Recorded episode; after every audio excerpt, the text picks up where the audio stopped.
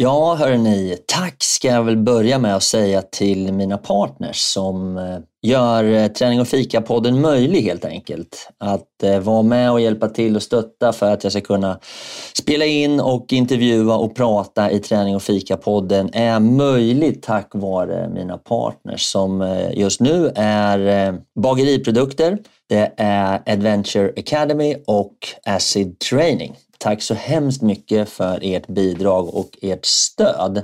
Sen kan man ju då som privatperson också gå in och stötta produktionen genom att eh, ge ett litet bidrag på till exempel Patreon. Det uppskattas väldigt mycket. Där kan du välja mellan att köpa en kaffe svart eller lägga lite mer pengar och köpa en kaffelatte och så fortsätta hela vägen upp till en riktigt härlig brunch. Så ja, tveka inte. Gå in och stötta lite. Det behövs och jag blir glad. Tack ska ni ha. Nu kör vi igång! Here's a cool fact. A crocodile can't stick out its tongue. Another cool fact. You can get short-term health insurance for a month or just under a year in some states.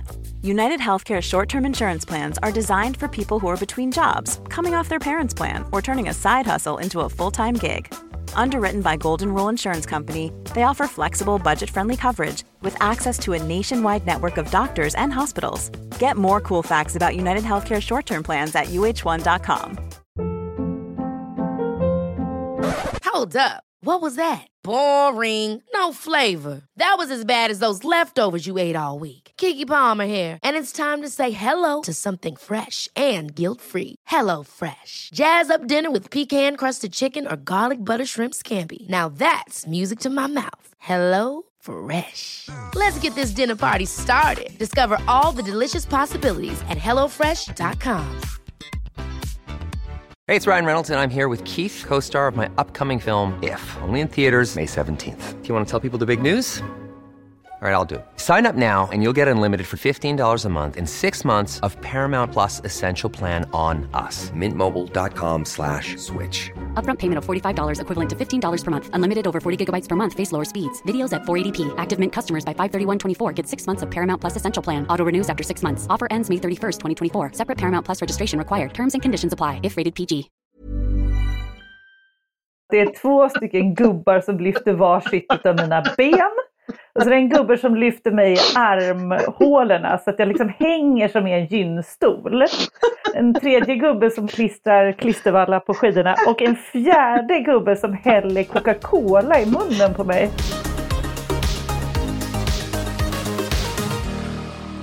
Äntligen är vintern här och det är dags för mig och träning och fika att fokusera på det som är bland det absolut viktigaste här i världen och det är nämligen längdskidåkning. Idag ska vi dyka ner i längdskidsträsket tillsammans med Sofia och Kristin och vi kommer ställa de frågorna som alla där ute vill ha reda på. Exakt så kommer det bli. Hörni, nu kör vi igång. Välkomna! Tärning och fika, vi kör hårt. Tärning och fika, blåsa på. Tärning och fika går ihop som kaffe och popcorn. Tärning och fika, vi kör på. Tärning och fika, blåsa på. Tärning och fika, nu kör vi! Nu kör vi! Yeah! Då kör vi igång helt enkelt och eh, det är jättekul för mig att ha med mig Sofia och Kristin. Och eh, vi ska ju då dyka in i det så kallade skidträsket som jag älskar att kladda runt i. Men först Sofia och Kristin tänkte jag ni kan väl lite kort bara ge oss en bild av er själva. Eh, vem har lust att börja? Sofia Sirvell heter jag. Eh, skidälskare sen... Äh, men jag åkte längdskidor när jag var liten. Från fem år tror jag.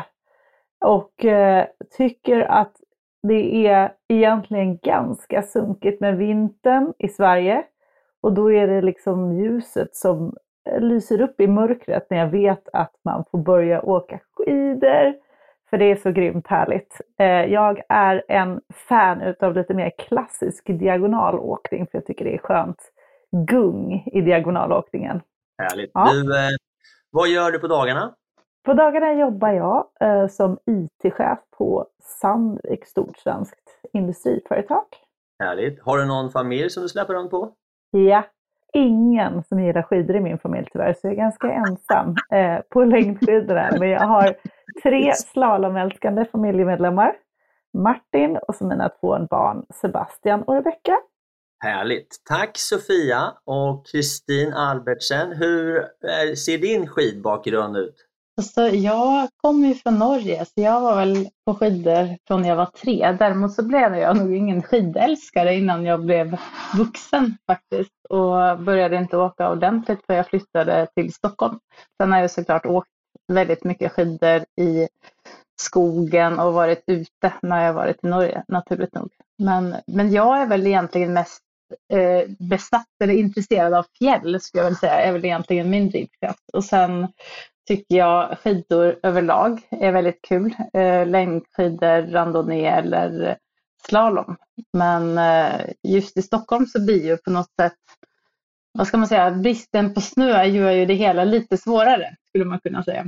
Men eh, det är ju väldigt kul faktiskt att eh, köra runt stadion på 400 meters bana. Eller förvånansvärt kul skulle man kunna säga. Eh, när man väl blir biten. Men, men helt klart lite, lite svårare att åka skidor i Stockholm. Vad har du för familjesituation och vad jobbar du med? Och berätta lite grann så du får se. Nu vet vi om att du är halvnorsk som hellre trivs i Stockholm. Så är det, det gör ju alla. Och eh, även om inte är men du, ge oss lite mer kött på benen nu. Precis, två barn, 14 och 18. Jag är heller inga skidfan i, i, av mina två barn faktiskt. Det är svårt att få dem ut. However fick jag faktiskt med mig min äldsta son ut när jag köpte ett par skinsskidor till honom. Så det kan nog vara vallat som har varit dåligt, vem vet. Men eh, de gillar väl mest att åka ner först som det är nu. Men eh, det kanske ändrar sig. Jag jobbar på dagarna också. Jag jobbar som konsult i ett eh, konsultbolag som heter Yellow Elk. Härligt. Så jag sitter alltså med två damer i sina bästa år med karriär och barn som älskar skidor. Kan livet bli bättre för en sån som mig? Nej, säger jag. Det kan inte. Det här ska bli fantastiskt trevligt att höra hur ni har det. Hörrni, jag är ju dessutom, förutom att jag gillar skidåkning, så tycker jag om att fika. Och Jag tänkte bara höra, hur ser fikaläget ut för er egentligen? Det ser mycket bra ut här hemma. Just nu? Hur ser det ut? Vad har ni i koppen? Ja, men det är ett skönt, bra Roibos champagne-te i min tekopp. Men eh, fikaläget är ganska torrt. Så alltså. jag skulle haft någon bättre fikabröd, men eh, teet är bra. Okej. Okay. Kristin? Jag har en eh, latte här som jag har gjort på min lilla Bialetti-kanna här med lite, med lite vispad mjölk. Och jag har planerat att göra lussekatter senare, så det kanske räcker. Jag vet inte. Lussekatter? Det är ju inte dumt. Va? Men de är inte klara nu. Nej, men så småningom. Jag käkade faktiskt en lussekatt eh, alldeles nyligen här och eh, idag så är det så att jag dricker såklart svart kaffe. Men jag har, som ni ser här, en lussekrans med marsipan i och otroligt mycket sån här strössel på. Så här kommer jag att sitta och käka nu under våra, vårat eh, träning och fika-program. Hörni, vad roligt! Jag eh, tänkte att vi skulle hoppa in här nu snart i dagens ämne och prata lite mer längdskidåkning. Så att eh, då kickar vi väl igång hörni.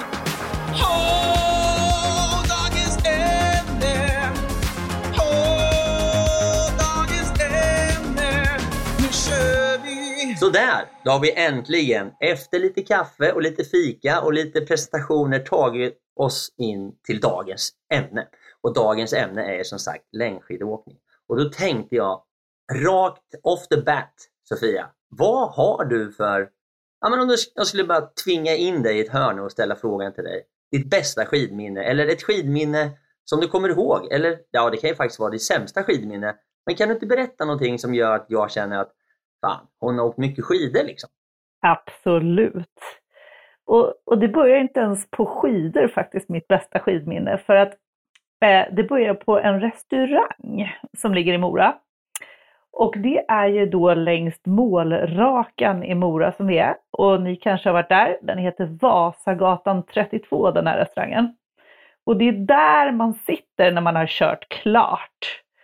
Och jag började åka de här loppen när vi var ett jätte, jättestort gäng. Då jobbade jag på Hennes Maurits och vi var säkert 50 pers. Och efter man hade kört i mål så träffades alla alltid på Vasagatan 32. Där är mina by far bästa skidminnen känslan liksom när man kliver in där Och så sitter det liksom ett gäng med människor som bara jublar när man kommer in. Och man är helt hög. Och det som vi gör då, det, då börjar liksom själva försnacket till hur snabba, hur jäkla bra vi ska vara på att åka skidor nästa år och hur många hundra mil vi ska åka och träna. Eh, så det är liksom det är helt... Efter? Ja, precis efter loppet. Aldrig har man så hög motivation liksom, till att åka skidor och träna som där. Och då är liksom, det är sådana storslagna planer som sprids, smids där. Men jag, jag som, det är nästan de min, bästa minnen jag har. Så en jävla skön känsla att bara sitta där och snacka med Kristin och vår kompis Katrin om hur otroligt snabba och bra vi ska bli nästa år. Det är bra. Blir, Mm går, går, slår, slår planeringen in varje år då? Blir det som ni har tänkt? Åker ni år efter år efter år? Ja, vi har ju kört många år tillsammans och, och först så körde vi ju Tjejvasan då, för vi hade så, så, sånt respekt för det här stora, långa loppet. Och då hade vi liksom en, en drömgräns som skulle vara att man skulle ta sig under två timmar. Det var oftast den där drömgränsen vi satt och pratade om som kändes väldigt ouppnåeligt men som plötsligt sen vissa av oss klarade av att slå. Så att, eh, men sen, sen vågade vi oss på det långa loppet också. Då fick det, blev det nya mål. Tjej, Tjejvasan är ju tre mil va? Mm. Ja. Så då satt ni där och så, hur kom du på att du skulle köra hela Vasan då? Alltså jag tror vi hade lite nästan för stor respekt. Innan så tror jag att vi trodde att det var mycket svårare än vad det var i verkliga, i verkliga livet. Eh, så att, eh, och så kanske lite rädsla att fejla och sådär. Eh, men sen så, hur svårt kan det vara? Eh, började då, tror jag, jag vet inte om det var Kristi- Kristin eller Katrin som började med det. Och det var nog på Vasagatan 32 när vi började snacka liksom om hur svårt kan det vara och det, det ska vi göra nästa år. Så blev det bara så. När hände det här då? När, när åkte du första riktiga långa nio mils? Kan det varit en sju år sedan kanske? Och hur var det då? Ja, men det var ju mycket lättare än vad jag trodde. Eh, jag trodde liksom att det skulle göra jävligt ont, men det gjorde inte ont alls. Utan det var ju bara väldigt långt. Och det som är så himla fantastiskt det är att när det blir jobbigt så kan man ju bara softa. Så det blir liksom aldrig, aldrig så där jobbigt som kanske när jag har sprungit Lidingöloppet när det gör ont i hela kroppen. Jag har inte haft den känslan. Det är bara, det är bara långt. Så om man backar då så skulle man egentligen att du ångrar att du åkte de här tre milarna egentligen, du skulle åkt nio mil från början?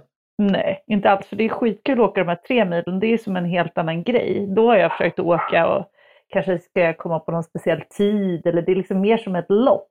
Vasaloppet är mer som en ceremoni. För mig känns inte det riktigt som en så tävling. Jag tävlar liksom med mig själv och komma i mål mer. Eh, Så det är liksom två helt olika grejer. Eh, Tjejvasan känns mer som en riktig tävling för mig och Vasaloppet känns som en, en ceremoni. Det är underbart. Mm. Gud vad härligt. Ja men tack eh, Sofia, det var ju en fin, fin indragning för oss till Vasaloppet som vi ändå har eh, eh som påverkar oss alla på, på olika sätt på vintern. Antingen att vi tittar på det eller att vi åker eller att vi är där och servar och hjälper till. Men du eh, Kristin, eh, har du någon skidstory som du kan delge oss ifrån ditt liv eller din skidåkning eller din skidkarriär som norska som vi alltid vill slå, eller säga. Jo, jag märkte. Ja, herregud. Ja. Nej, men, men det är lite samma egentligen. Alltså jag, jag började ju egentligen också att åka längd på riktigt när vi jobbade på Hennes Mauritz. Sen vägrade jag att åka Tjejvasan för jag känner att jag tänker inte åka Tjejvasan. Jag, jag, jag har ju aldrig åkt Tjejvasan förutom en gång eh, och det var ju också vår kompis Katrin här som då hade hon året innan gått Tjejvasan först och sen gick vi öppet spår dagen efter. Och så var det så här, ja men, ja, men Men jag det- måste ju också Det där var ju lite hårt. Vad sa du att du gjorde? Eh, först Tjejvasan och sen öppet spår dagen efter.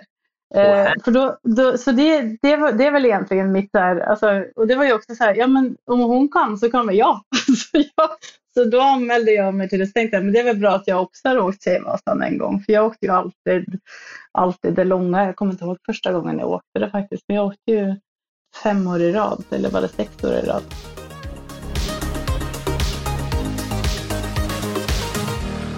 Båda har åkt Tjejvasan och båda har då åkt långa Vasaloppet.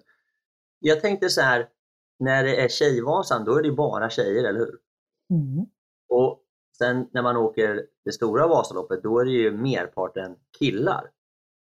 Hur, hur upplever ni som tjejer liksom skillnaden? Är det stor skillnad på att åka Tjejvasan? Om vi bortser från själva distansen, om vi tittar på lite sådana saker runt omkring då, som upplevelsen, servicen, spåren, känslan eh, ja, och så vidare. Hur, skjut in henne. Jag, jag har aldrig fått möjligheten att åka Tjejvasan så jag kan ju inte liksom riktigt relatera till hur det är där. Jag tycker att det är samma känsla. Det är samma kvalitet på spåren och samma kvalitet på servicen.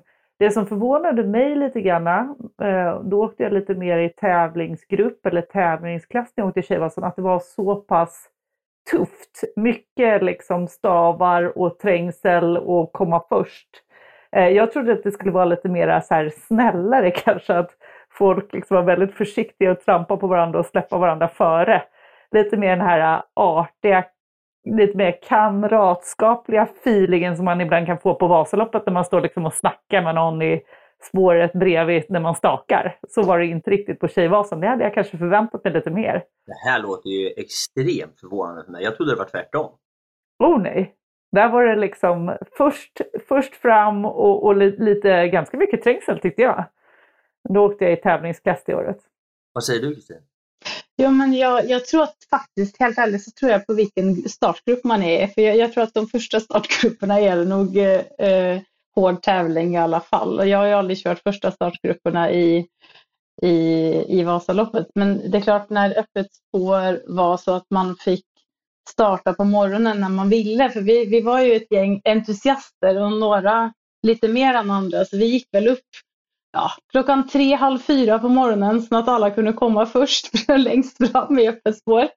Eh, så det är klart att då stod man ju ofta längst fram. Men jag tyckte nog heller inte att det var, alltså på första backen är det ju, vi är en del frustrerade och då flera män naturligt i och med att det är liksom det är ju flera män som åker öppet spår än vad det är. Men jag tycker att det är, det är jag vet inte, jag, jag tycker nog inte att det är jättestor skillnad så. Men jag håller med dig Sofia, precis där på starten när man står och pratar och så. Det, var ju, det, var, det tycker jag, liksom när man står där på starten i eh, öppet spår eller Vasaloppet, det är ju speciellt när man står där nere. Det, blir liksom, det, är ju, det är ju helt annorlunda faktiskt. Än starten på Tjejvasan, den är inte alls lika magisk faktiskt, tycker inte jag. Det är för att den startar på ett annat ställe. Ja, så äh, egentligen så hela den här fördomen som jag kanske någonstans har om att det ska vara så himla härligt och rosa och fint och tjejigt på Tjejvasan och att det är grubbigt och, gubbigt och, och snorigt och trångt och vassa armbågar på Vasaloppet. Ni håller inte med om det? Inte min upplevelse, men jag har inte varit längst fram i Vasaloppet. Jag är lite längre bak i startleden och där är det lite mer gemytligare kanske. det, jag, alltså, jag, jag, jag har ingen aning. Men det, jag blir glad när ni säger det. Eh, jag, jag vet ju att eh, jag tittar lite grann och det, ungefär så ser det ut så att det är ungefär 7000 tjejer som startar på Tjejvasan och det är 2000 tjejer som åker Vasaloppet. Så det är ganska stor skillnad egentligen på eh, antalet. Och eh, Dessutom så, så har de ju då på något sätt någon typ av mål nu att försöka få fler tjejer att åka Vasaloppet.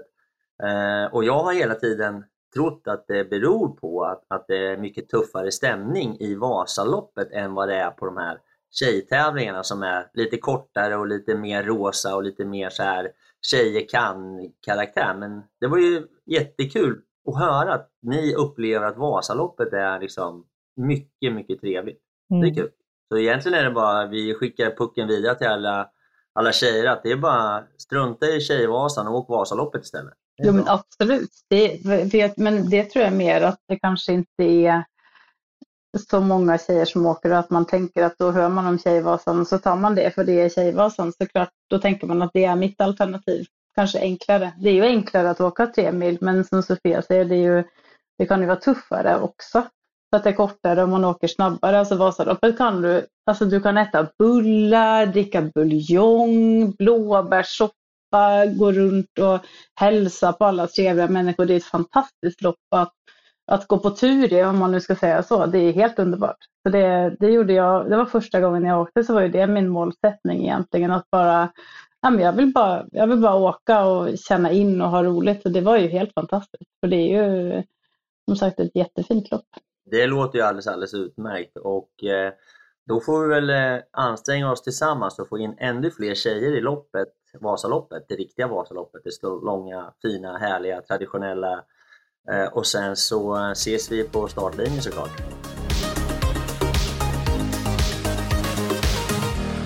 Ja, hörru du Sofia. Jag tänkte att du skulle få eh, dra en liten skön story av ett, från ett av mina favoritlopp, nämligen Marcialonga. Och jag vet att du eh, Eh, gillar den tävlingen och du hade en, en, en intressant upplevelse i botten på Cascatabacken. Kan inte du eh, dra den för oss och alla? Vi, vi får vara med om din upplevelse. Absolut. För de som inte vet då så åker man sju mil i Marcialonga och det hela loppet slutar med en väldigt brant uppförsbacke innan man kommer i mål. Och eh, det här var första gången jag åkte det här loppet och det var plusgrader och riktigt dåligt före så jag hade ju sladdrat runt där ett par timmar när jag kom fram till backen. Och vi hade ju tänkt att vi skulle ha festvalla för vi var trötta. Eh, såklart. Och eh, då hade vi köpt Valla Service ehm, och visste att vi skulle få valla precis innan den här branta backen börjar. Kommer fram till det här Valla-teamet. För det första så var det ganska roligt för att jag hade tagit eh, mer än fem timmar på mig dit. Så det var ju, för min del var det liksom ingen direkt brådska. Jag hade kunnat kliva ur mina skidor. Men det som händer då är att vi blir utsatta. Vad sa du? Då har du alltså åkt nästan, du har åkt 6,8 mil. Du har åkt jäkligt långt. Och ja. Solen ligger på och det är varmt. Och den här backen, den heter Cascata, den går rakt upp.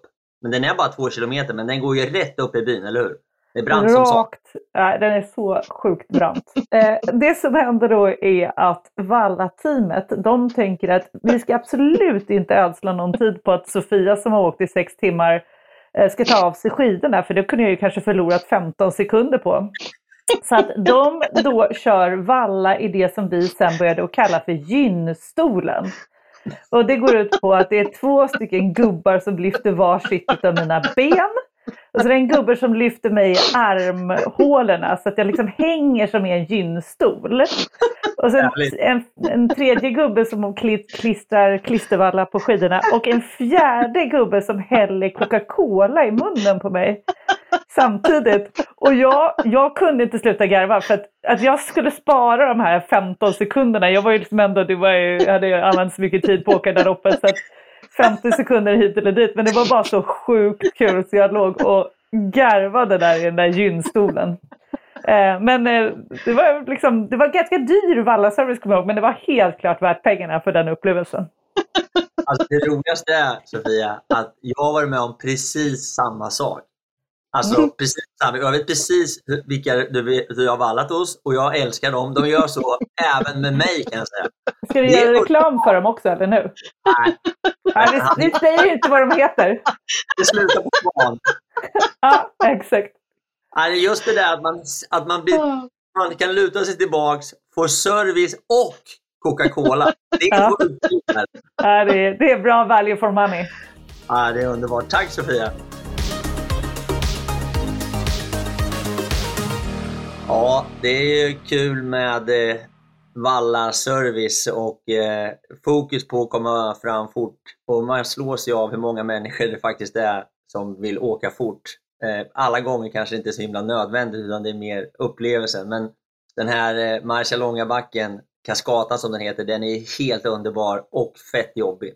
Du, eh, jag tänkte Kristin att vi kanske har, har något, något, någon kul anekdot ifrån dig. Men jag kan faktiskt säga en annan sak först kom jag på att du var ju faktiskt med i podden den här med han Marco som kör om live-rapportören uppifrån Högbo bruk. Eller Sofia, det heter Högbo. Högbo. Högbo. Det heter inte Högbo utan det är Högbo. Ja, vi var ju där tillsammans du och jag nu och åkte skidor eh, för, i, förra veckan. Och det var fantastiska spår och då lyssnade jag på hans podd som är jättebra. Och där berättade du om eh, att du kör med i CCC 1000. Det tyckte jag var kul, för det gör jag också. Men du Kristin, nog om det. Dra en liten vals för oss nu helt enkelt. Jag vet att det handlar om Vasaloppet, jag tycker det här är fantastiskt roligt. Berätta! Det är väl, nej, det är mera bara just när man står där och man, man startar och man gör det här för första gången. man, man är ju rätt fokuserad och så är det en massa intryck. Eh, när man är ute och går där och speciellt i starten. Jag, man kör ju efter den här långa kön och upp på backen och kommer upp. Och så, efter ett tag så står det någon så här rund grej så står det 89. Så bara, och så bara 89, och vad, vad är det liksom? Så går man på och så lite tag till och så står det 88. Bara, bara, vad är det här liksom? Och sen när poletten trillar ner, vilket kanske är rätt uppenbart då, att det är, ah, det är hur långt jag har kvar att gå. Och Till mål. sen till mål, precis. och, det är liksom, och sen kommer det liksom en liten skylt där varje kilometer i princip och till slut så står det inte så många kvar där så det är faktiskt rätt, eh, ganska bra. Så du åkte runt där och undrade varför, vad det var för konstiga skyltar? Ja, helt vad, för vad konstiga skiften, vad är det här? Sen tog det, det tog inte, jag var inte hela vägen i mål innan jag fattade, ska jag erkänna då. men, men det är ju rätt kul när man, när man först fattar och så bara, ja men herregud, det är klart att det är det liksom. Men det, det var skönt att börja reflektera på, bara, nej vad är det där? Liksom, 89, 88. Varför sätter upp och sådana konstiga saker i skolan? Det är ett typiskt tecken på att du är fokuserad. Ja, exakt. Precis. Ja, men det är lite så liksom kilometer för kilometer. Alltså, ofta har det varit, alltså, nu pratar ju vi om kanske våra bästa upplevelser här innan, men det är klart det har ju varit år där det blåser motvind och det är blöt snö som faller och eh, spåren är sega. Så det är klart att eh, just där och då ser man ju väldigt, här, väldigt korta intervaller i motivation. Liksom. Man tar ju 100, 200, 300 meter i taget. Liksom. Men när man är i mål så är man ju lika glad. Så det är kul. Det är ändå bra att du upplevde att det gick, att siffran blev mindre och mindre. Det är bra. Ja, precis. det åt andra hållet. Nej, bra, tack Kristin, det var kul. Fredriks radarspaning. Fredriks radarspaning idag. Ja, det är väl inte så mycket till spaning utan mer ett konstaterande att eh, vintern är på väg och som vanligt här i Stockholm så eh, kommer det en massa snö och sen försvinner det massa snö och då går alla ut och håller på och grejar med sin snö och sen så kommer det en massa grus och sen så har man lite problem som eh, skidåkare då. Eh, så då får man börja åka upp till Högbo och sådana här ställen. Eh, men jag tänkte egentligen ställa frågan till er tjejer lite grann. Hur, hur gör ni när det inte finns snö? Hur tränar man om man vill förbereda sig Vasaloppet på ett bra sätt här i Stockholm? Vad säger ni? Ja, men, jag tycker ju att det är ganska tråkigt att bara stå rakt upp och ner på en stakmaskin eh, inne i ett gym. Det tycker jag egentligen är ganska pisstråkigt. Så att, eh, det vi brukar göra i vår skidklubb då, som vi alla tre är med i, är ju att vi kör stakmaskiner tillsammans. Det är ju riktigt kul att liksom tävla mot varandra och du brukar ju vara jättebra på det Fredrik, och få igång en skön liksom, stämning. Så det kan ju få mig att till och med vilja åka stakmaskin. Men annars är mitt tips, för det, jag tycker faktiskt att det är lite läskigt med rullskidor. Eh, två, tre gånger har jag eh, ramlat och då tycker jag det är lite jobbigt. Så nu har jag börjat åka rullskidor ganska mycket på eh, löparbanor. Eh, har man inte de här vassa spetsarna i stavarna så är det helt okej att köra med eh, sina rullskidor på löparbanor. Och då kan man liksom slappna av, det blir väldigt skönt och bra motstånd. Eh, så man får ta i ordentligt när man stakar. Men jag tycker att det är jätteskönt och jättebra avslappnande och superbra träning. Alltså du, du menar typ att du går ut på en sån här 400 meters bana med, som är lite mjuk och, och så här och så stakar du på den?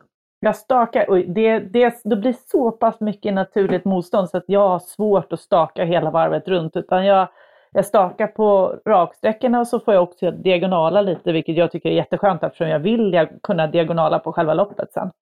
Det är ett fantastiskt bra tips. Och då behöver man inte vara rädd för att trilla heller, för det är mjukt. Då landar man mjukt. ja, men vad kul! Det där, det där, det där tipset tar vi med oss. Eh, Jättebra. Och, eh, men det är såklart, det kanske blir lite tufft, jobbigt, men då är det bra att köra på staka på rakerna och diagonala på, på, i böjarna. Och sen när man får stå på snö så känns det som man nästan åker friktionsfritt framåt för att det är mycket lättare än på den där banan. Det är tyngre där. Härligt. Ja, har du något tips till oss då, Kristin? Vi vi var ju nere och körde i, i, på Acid i, i, eh, igår. Jajamän. Satan vad det krigade. Ja, det känns idag faktiskt.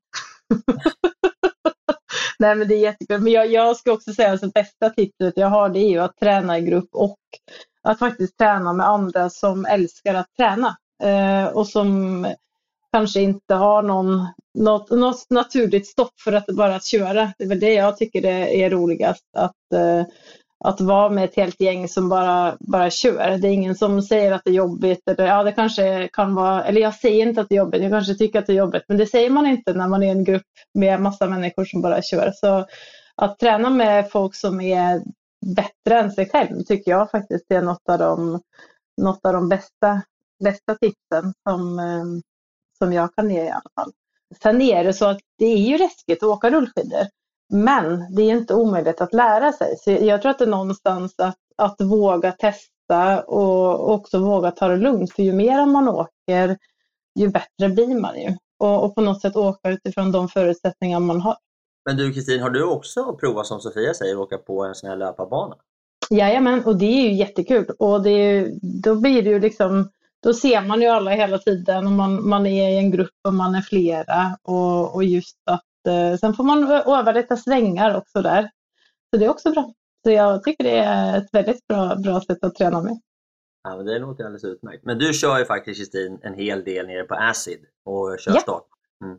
Och det är, ja, men det är också kul. Ja, alltså jag, jag gillar ju den här intervallträningen. Jag har ju faktiskt, jag tycker att det är lite jobbigt med att ligga på hög intensitet över längre tid. Jag älskar ju de här intervallerna för då vet jag att de tar slut om inte så länge. Sen är de ju vidriga när de väl, väl pågår fast det ändå är roligt på något konstigt sätt. Ja, det är bra. Tackar, tackar hörni tjejer. Bra tips! Veckans fråga! Du måste våga ställa veckans fråga. Veckans fråga! Ah, baby. Då var det äntligen dags för veckans fråga. Och veckans fråga handlar naturligtvis om skidåkning och den låter ungefär så här. Vad ska man ha på sig för att inte frysa när man åker skidor? För det vill man ju inte göra, eller hur? Vad säger du Kristin? Har du några bra tips? Ja, för frysa vill man inte, eh, helt klart. Merinoull är mitt absolut bästa tips. Underkläder alltså? Ja. Alla underkläder ska vara merino, eller? Allt i merino, så mycket som möjligt. Och det är det som man då kallar första lagret, man har närmast kroppen? Precis. Ja, härligt. Sofia? Ja, jag har ju mest problem med fingrarna och tårna. Eh, så mina bästa tips är innevantar innanför skidvantarna så att man kan reglera sen, för det är väldigt obehagligt att svettas också tycker jag. Alltså det, det tycker jag är jätteobehagligt när man väl har kommit igång. Och sen sådana där ytterskydd på pjäxorna eh, när det är kallt. Det är de två, två viktigaste grejerna tycker jag, händerna och fötterna, för det är jättejobbigt att frysa där. Så man vill inte frysa, man vill inte bli svettig. Och då har man alltså ull under kläder och sen så har man liners inne i vantarna och sen så har man skoöverdrag på, utanpå pjäxorna. Exakt. Där har vi ju riktigt, riktigt bra tips hörni. Tack! Ja, alla bra saker måste ju ta slut, även detta poddavsnitt. Jag är jättetacksam för att Sofia och Kristina varit med och pratat och funderat och delat med sig av eh, era skiderfarenheter och tips. Hörrni, vi kommer snart, eller jag kommer snart tillbaks med nya poddar och eh, jag skulle bara vilja ge Sofia och Kristin varsin stor tackkram för att ni var med i programmet och bidrog så fantastiskt fint. Stort tack hörni! Och eh, all information finns såklart nere i descriptions. Eh, CC1000, min sajt längdskidåkning.info och fredrikeriksson.se. Eh, Kristin, Sofia, tackar, tackar. Tack själv. Tack så mycket. Ja, ni var grymma. Kram på er. Ha en underbar dag allihopa där ute och ut och åk. Hej då!